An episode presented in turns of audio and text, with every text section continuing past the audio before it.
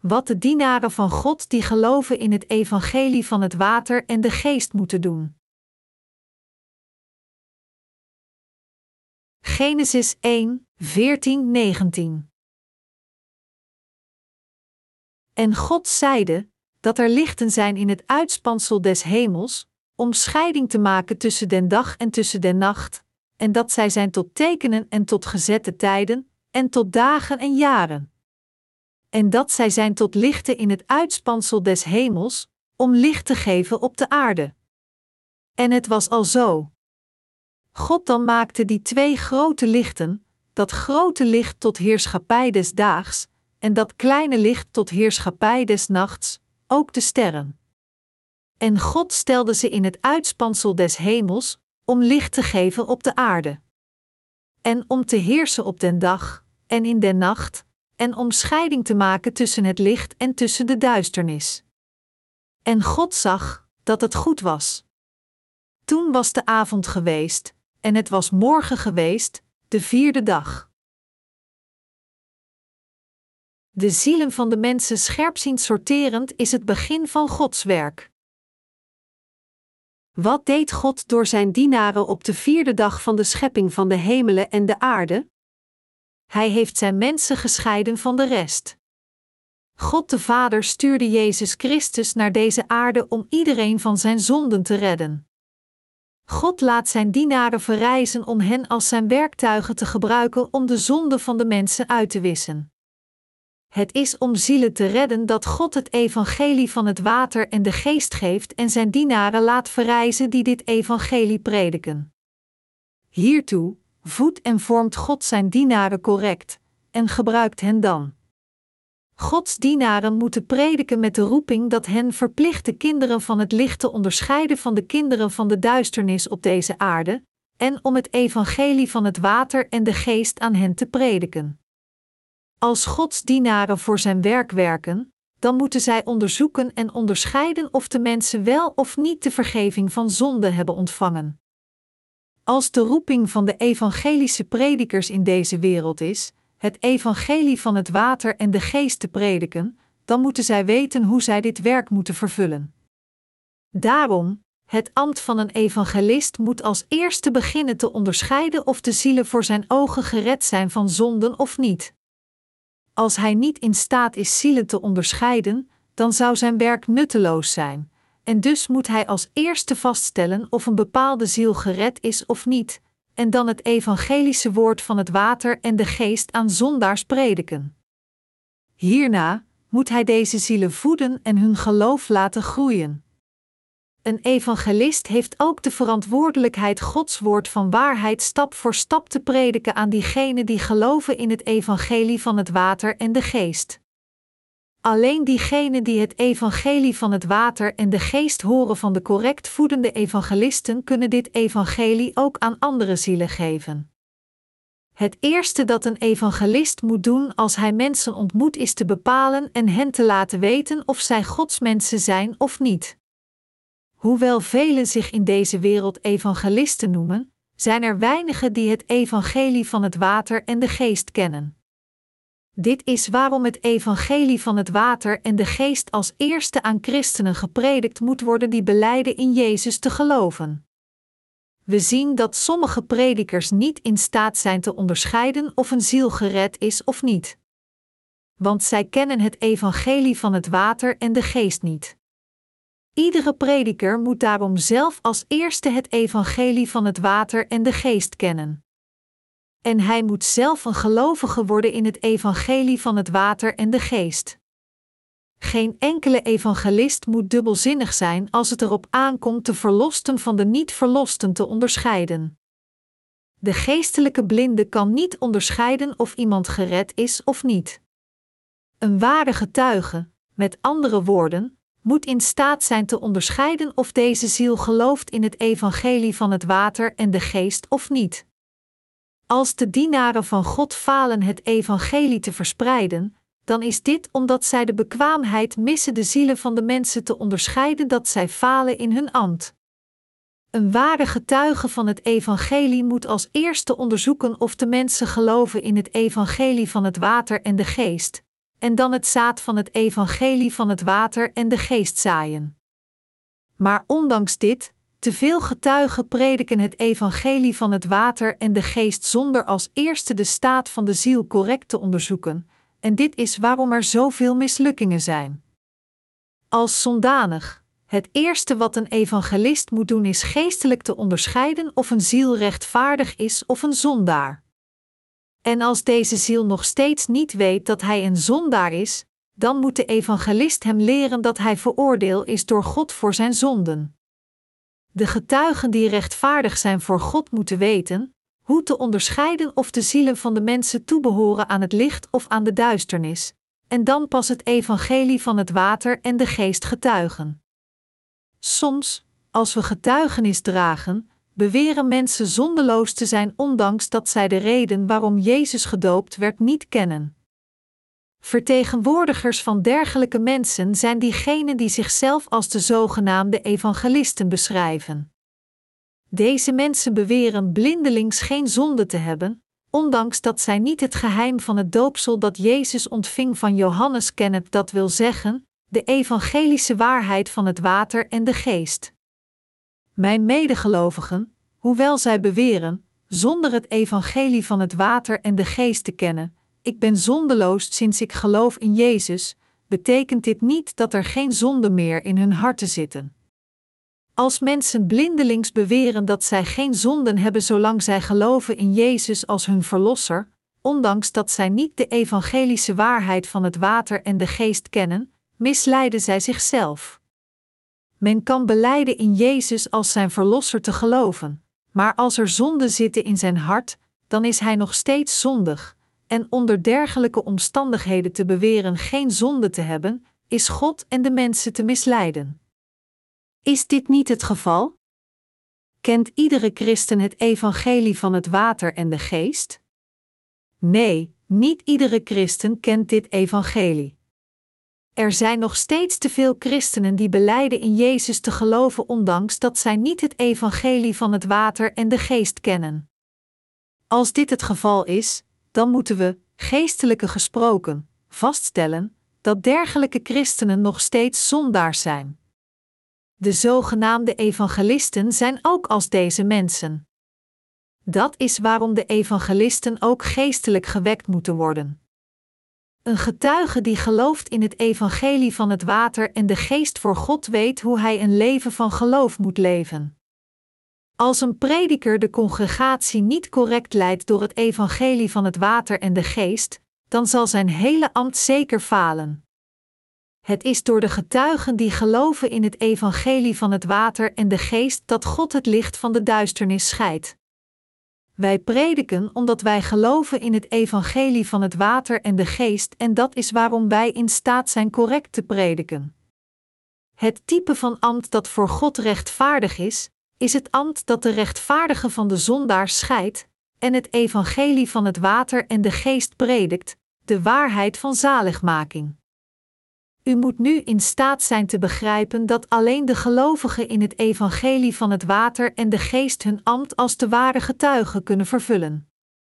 Dat is omdat diegenen die rechtvaardig zijn gemaakt voor God diegenen zijn die geloven in het evangelie van het water en de geest voor Hem, en omdat zondaars diegenen zijn die niet geloven in het evangelie van het water en de geest. Uiteindelijk, mag een prediker nooit vergeten de rechtvaardige van de zondaar te scheiden en het evangelie van het water en de geest prediken. Net zo, als een prediker iemand ontmoet, dan is de eerste stap van zijn ambt correct te onderscheiden of deze persoon wel of niet wedergeboren is door te geloven in het evangelie van het water en de geest. Als we in een oorlog naar het slagveld gaan, hoe kunnen we in deze oorlog vechten als we niet kunnen onderscheiden of iemand recht voor ons de vijand of iemand van ons is? Om in staat te zijn met het woord van waarheid aan te vallen en hem te redden, moeten we als eerste duidelijk weten of deze man voor onze ogen een geestelijke vijand is die nog steeds niet de vergeving van zonde heeft ontvangen. Een prediker moet de waarheid van zaligmaking kennen als hij zijn geestelijke oorlog afweegt. Als hij dus een zondaar bevrijdt en verlost uit de valstrik van zonden, alleen dan is hij een ware dienaar van God. Anders gezegd, de ware getuigen voor God moeten de ware zaligmaking aan zondaars brengen door het evangelie van het water en de geest. God toont ons zijn plan door het woord van zijn schepping. Hij deed specifiek het werk, sommige dingen in het begin van zijn schepping te scheiden. Hij scheidde de hemelen van de aarde, het licht van de duisternis, het water boven de hemel van het water op de aarde en het droge land van de zee.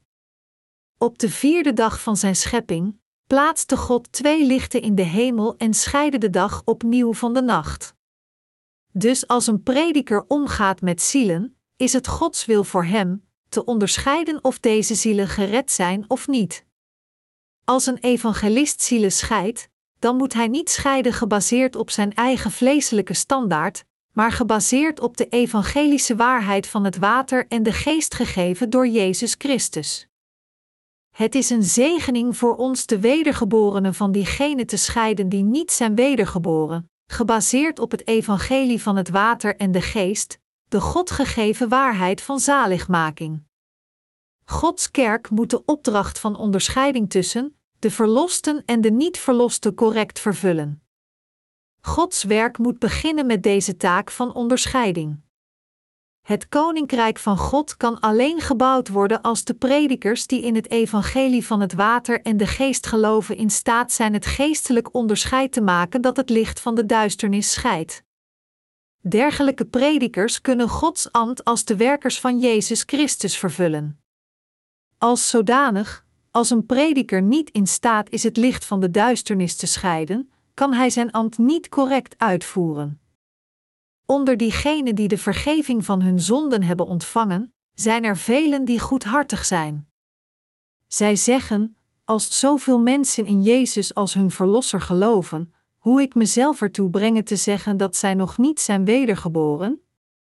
In het bijzonder, het evangelie waarin de evangelisten geloven dat ongeveer het evangelie van het water en de geest is, maar uiteindelijk niet het perfecte evangelie is, en dus voelen zij zich ongemakkelijk zichzelf rechtvaardig te noemen, want er zitten nog steeds zonden in hun harten.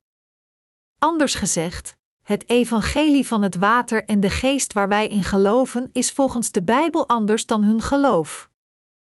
Het is onmogelijk voor de getuigen die geloven in het evangelie van het water en de geest te begrijpen en diegenen te tolereren die niet zijn wedergeboren, zelfs als zij proberen dit te doen. Uiteindelijk zijn de rechtvaardigen gescheiden van de zondaars. Ongeacht hoe hard de ware getuigen proberen een verstandhouding te bereiken en samen te werken met diegenen die werken in wereldberoemde missieorganisaties, maar omdat deze mensen niet geloven in het evangelie van het water en de geest, kunnen zij niet worden goedgekeurd. Omdat zij het evangelie van het water en de geest niet erkennen, worden zij uiteindelijk van ons gescheiden. Uiteindelijk kunnen het licht en de duisternis niet samen coexisteren. Als u thuis het licht aandoet, verdwijnt zonder twijfel de duisternis, en als u het licht weer uitdoet, keert de duisternis terug. Het is niet mogelijk voor beiden het licht en de duisternis in een ruimte te bestaan. Als u het licht thuis aandoet, verdwijnt de duisternis in een keer.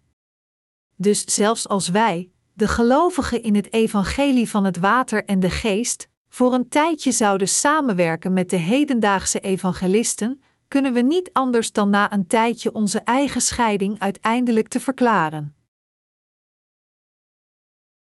Sommige mensen zeggen ook: Ik heb de vergeving van mijn zonde ontvangen, ontving de vergeving op dit moment en zal de vergeving in de toekomst ontvangen.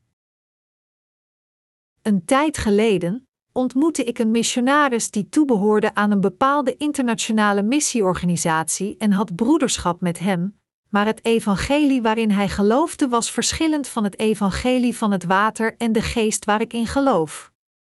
Ik vertelde hem dat de vergeving van zonde in een keer kwam door te geloven in het evangelie van het water en de geest. Maar hij zei dat dit niet zo was. Deze missionaris zei: Ik heb de vergeving van mijn zonden ontvangen. Ontvang ze nu en zal ze in de toekomst ook ontvangen. De meeste christenen geloven en begrijpen dit zondag echter, als we er wat dieper over nadenken, zullen we zien dat er tegenstrijdigheden in zitten. Een dergelijk geloof is het product van de hedendaagse doctrine van de geleidelijke heiligmaking. Tegenwoordig geloven christelijke leiders over de hele wereld op deze manier. Wat zouden dergelijke leiders prediken? Ik heb zelf veel evangelisten ontmoet die beweerden geen zonden te hebben. Maar zij zeiden dat onze zonden niet werden doorgegeven aan Jezus door het doopsel dat hij ontving van Johannes de Doper. Dus zei ik tegen hen: Toon me het bewijs dat dit niet waar is, dat de zonden van de wereld niet werden doorgegeven aan Jezus door het doopsel dat hij ontving van Johannes. Ik zal u bewijzen met het woord van God dat uw zonden inderdaad werden doorgegeven aan Jezus door zijn doopsel. Ze gingen alle weg zonder dat ze een woord zeiden. Uiteindelijk, tenzij diegenen die onze wegen kruisen zichzelf overgeven aan het evangelie van het water en de geest, zullen alle van ons zonder uitzondering worden gescheiden. Dus de evangelisten geloven alle zelf dat zij zondeloos zijn en ze geloven niet in de waarheid van het doopsel dat Jezus ontving van Johannes.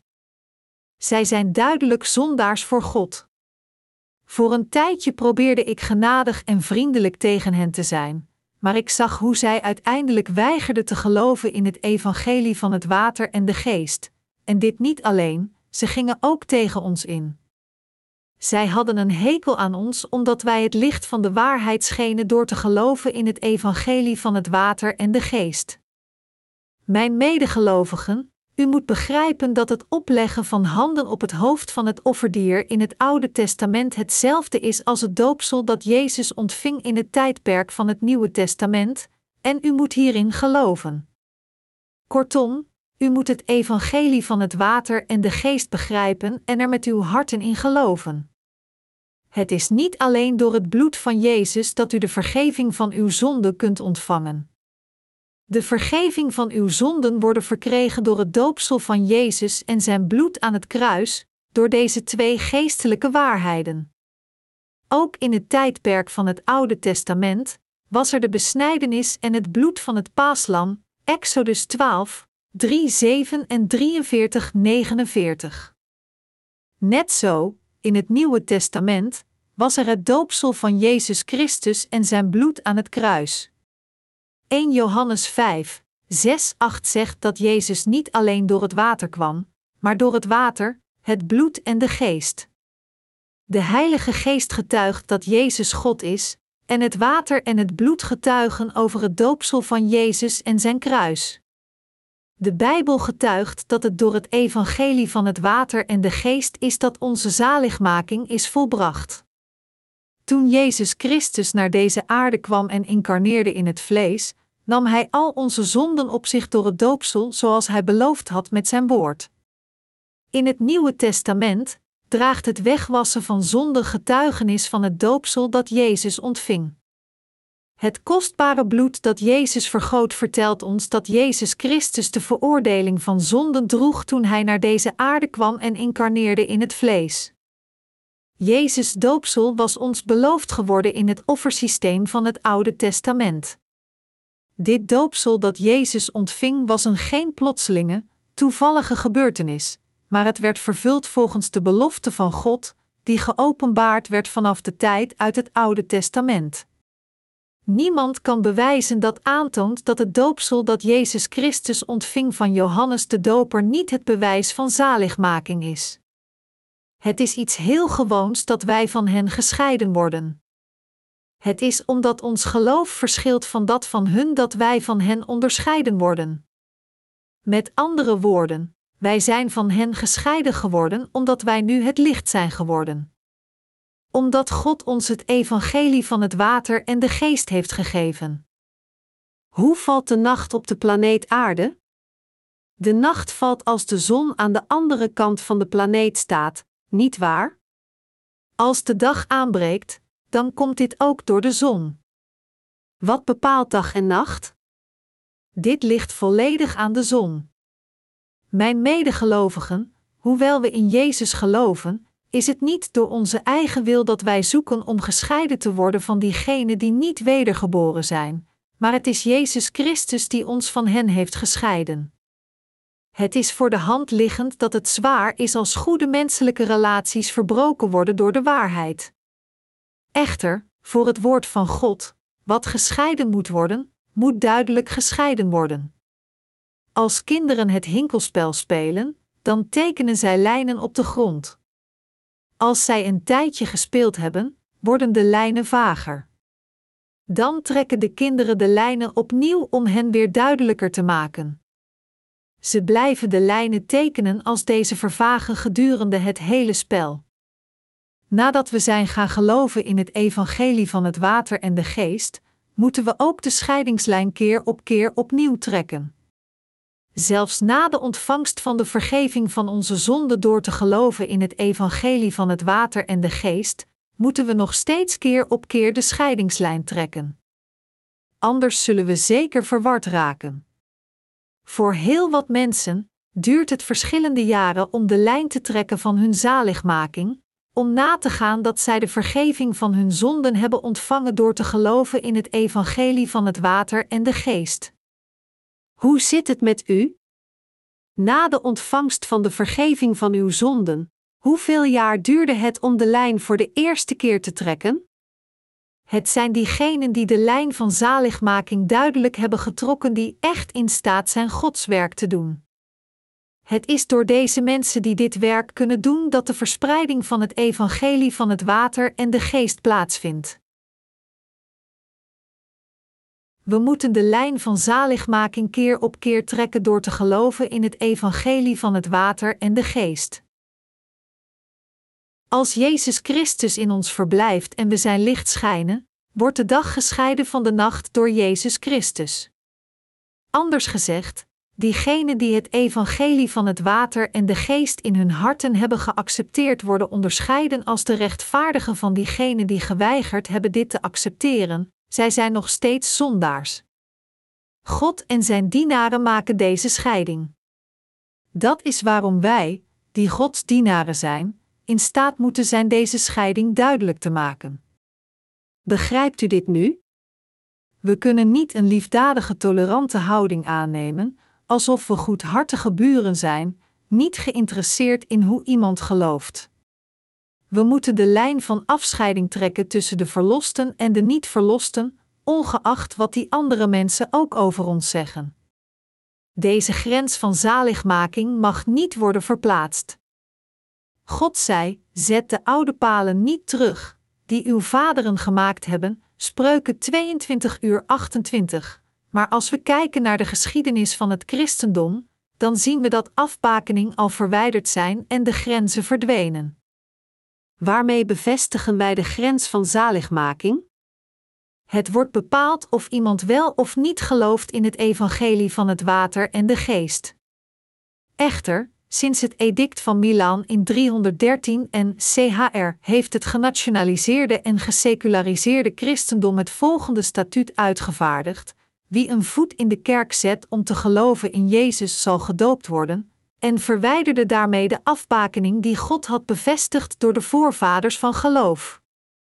Hierdoor veranderde de geschiedenis van het christendom in een richting die niets meer te maken had met Gods wil en waarheid, en het hedendaagse christendom eindigde door tegen God te staan in zijn naam. Hadden de mensen in die tijd de grens van zaligmaking duidelijk gezet met het evangelie van waarheid en zich eraan gehouden, dan zouden de christenen van vandaag gevonden worden in de perfecte waarheid. Hoe prachtig zou dit geweest zijn?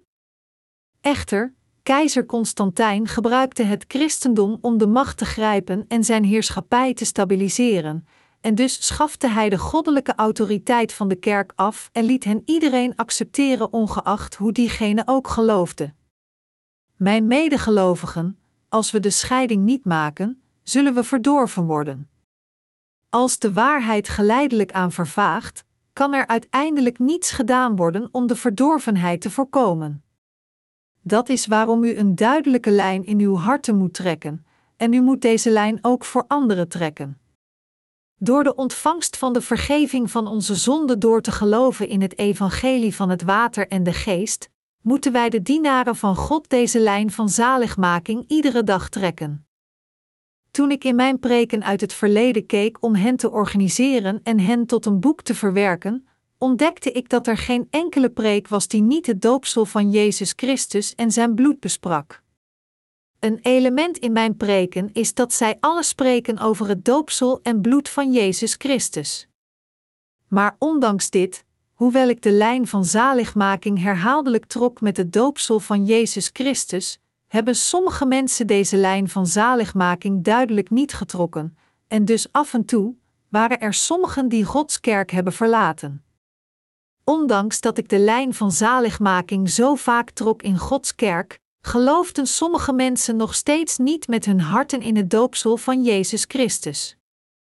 Dergelijke mensen geloven niet, met hun eigen gedachten, dat het doopsel dat Jezus Christus ontving van Johannes de Doper een noodzakelijk onderdeel is van hun zaligmaking, ondanks het feit dat hun leiders deze lijn van zaligmaking duidelijk met het evangelie van het water en de geest hebben getrokken, en ondanks het feit dat deze lijn getrokken is gebaseerd op het woord van God. Deze mensen zeggen: hoe kan een dergelijk kleine missieorganisatie gelijk hebben in alles? Zelfs kerken met een lange geschiedenis leren een dergelijke doctrine niet. En er zijn zoveel grote christenen in de leidinggevende kerken. Hoe kunnen al deze mensen niet gered zijn? En niet alleen dit, ik heb hen feitelijk tegen het evangelie zien staan. Zij kunnen niet onderscheiden wat de echte waarheid is. Het is omdat zij niet geloven in het evangelie van het water en de geest dat zij niet de geest van het vlees kunnen onderscheiden. Na het horen van het evangelie van waarheid, zeggen veel mensen: Ik denk niet dat men alleen gered wordt als men gelooft in het water en het bloed. Ik geloof dat men zelfs gered wordt als men gelooft in alleen het bloed van Jezus. Dat is omdat veel christelijke geloofsgemeenschappen al die tijd verkeerd begrepen en geloofd hebben dat zaligmaking bereikt kan worden door te geloven in het bloed van het kruis. Dat is waarom we de lijn van zaligmaking die God in onze harten heeft getrokken door zijn dienaren moeten houden, en als deze begint te vervagen, dan moeten we hem, keer op keer, opnieuw trekken. Echter, wanneer uw vlees te zwak is of als uw harten toevallig misplaatst zijn, en u dient te gevolgen een zonde pleegt, dan moet u beseffen dat uw zonden werden doorgegeven aan Jezus Christus en uw geloof plaatsten in het doopsel dat hij ontving. Wanneer werden al deze zonden doorgegeven aan Jezus Christus? Werden zij niet doorgegeven aan Jezus toen hij gedoopt werd door Johannes de Doper in de rivier de Jordaan? Was het niet voor het doopsel dat Jezus ontving van Johannes de Doper, de zonden van deze wereld zouden niet zijn uitgewist. Het is door dit doopsel dat Jezus Christus ontving van Johannes de Doper dat al onze zonden werden uitgewist en heel de rechtvaardigheid van God werd vervuld. Als er geen doopsel van Jezus Christus was geweest, dan was er geen andere manier voor Jezus Christus geweest de zonde van de wereld weg te nemen, ongeacht hoe vurig hij dit ook gewild zou hebben. We moeten de lijn van zaligmaking duidelijk trekken met het evangelie van het water en de geest. Mijn medegelovigen, de naam Christus betekent de gezalfde, Johannes 1 uur 14, Daniel 9 uur 25. In het Oude Testament waren het koningen, priesters en profeten die gezalfd werden. Jezus Christus is onze Verlosser, de hoge priester die onze zonden heeft uitgewist en de profeet die ons de echte waarheid leert. Om zelfs maar één van deze drie weg te laten is God te tarten. Als we prediken, Jezus Christus is onze Verlosser. Hij heeft ons gered door zijn doopsel en bloed, dan zeggen sommige mensen: dit is basisgeloof, niet zo diepzinnig. In plaats van dergelijke elementaire kennis, leer ons iets meer geestelijks. Echter, dergelijke mensen moeten beseffen dat zij feitelijk tegen God staan en de kerk ondermijnen, het lichaam van Jezus Christus. Natuurlijk is het belangrijk God dieper te kennen. Echter, dit is alleen mogelijk als we groeien in het evangelie van het water en de geest. Het is alleen in het evangelie van het water en de geest dat wij onze rol als profeten kunnen vervullen en meer leren over Gods waarheid. omdat God ons ontmoet heeft door dit evangelie van het water en de geest, en omdat God nu onze God is geworden, door dit evangelie, zal Hij ons ook leren over de dingen die nog gaan gebeuren. Wat moeten we als eerste doen om onze geestelijke strijd te winnen?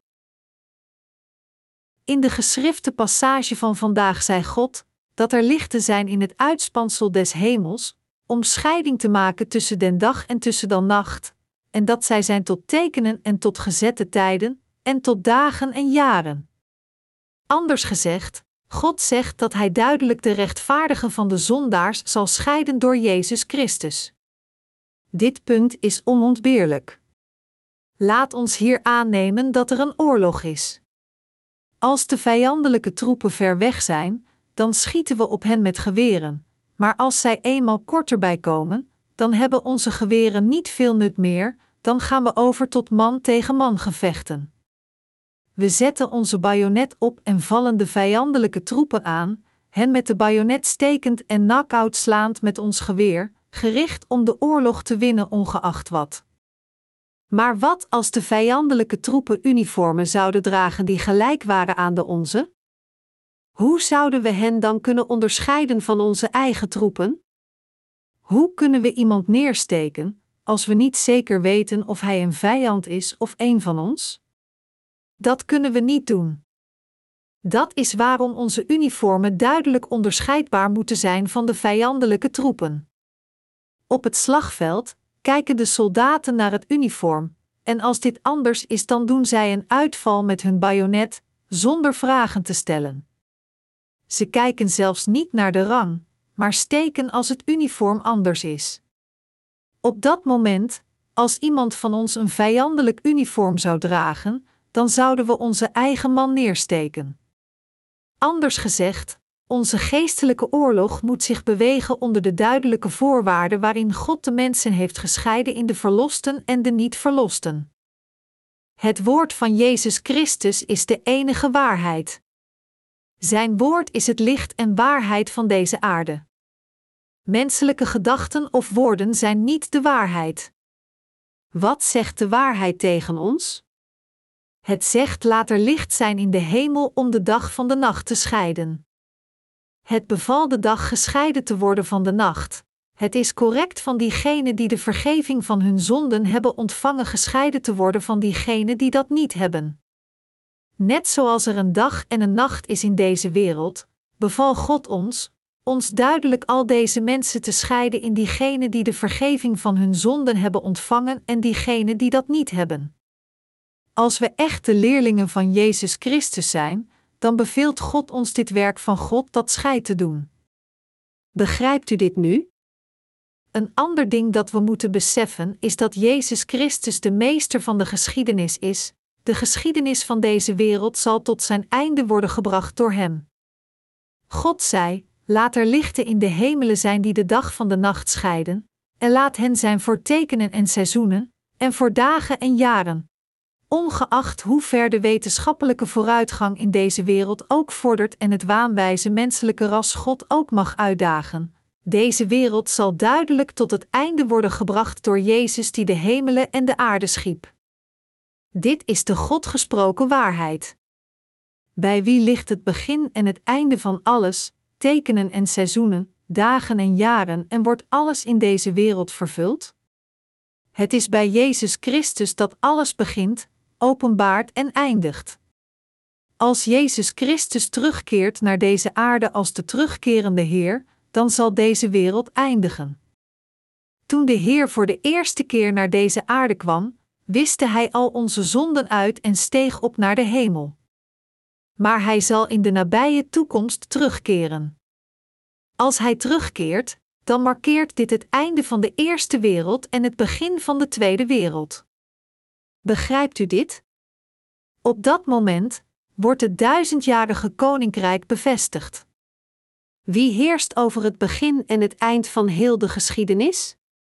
Wie heeft de autoriteit te heersen over dit alles? Jezus Christus heeft deze autoriteit. Dit is wat het woord van God duidelijk zegt. Deze wereld kan veranderen, maar het woord van Jezus Christus is onveranderlijk. Geen enkel woord dat Jezus Christus tegen ons sprak is ooit verdwenen, maar het wordt compleet vervuld.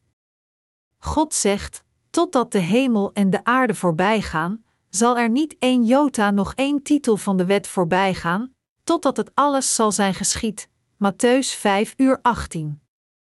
Anders gezegd, God vervult alles met zijn gesproken woord. Hij volbrengt iedere jota en iedere titel. Mijn medegelovigen, iedereen moet geloven in het evangelie van het water en de geest voordat hij terugkeert naar stof. Omdat we alle gemaakt werden uit een handvol van stof, zo zullen wij alle terugkeren naar stof. Dat is omdat toen God ons maakte, Hij ons met een handvol stof en zijn woord maakte. De voor eeuwig onveranderlijke waarheid verdwijnt nooit. Ongeacht hoe ver de wetenschap ook vooruit gaat, ongeacht hoe goed we ook opletten op datgene wat we eten en ongeacht hoeveel nieuwe medicijnen er ook worden ontwikkeld, als we sterven, zijn we niets meer dan een handjevol stof. We kunnen niet veranderen wat God heeft gedaan, vanaf het begin tot het eind. We moeten in het feit geloven dat de Heer ons heeft gered door het evangelie van het water en de geest. En zijn getuigen moeten weten dat zij moeten doen op deze aarde, en zij moeten deze taak met geloof vervullen. Amen.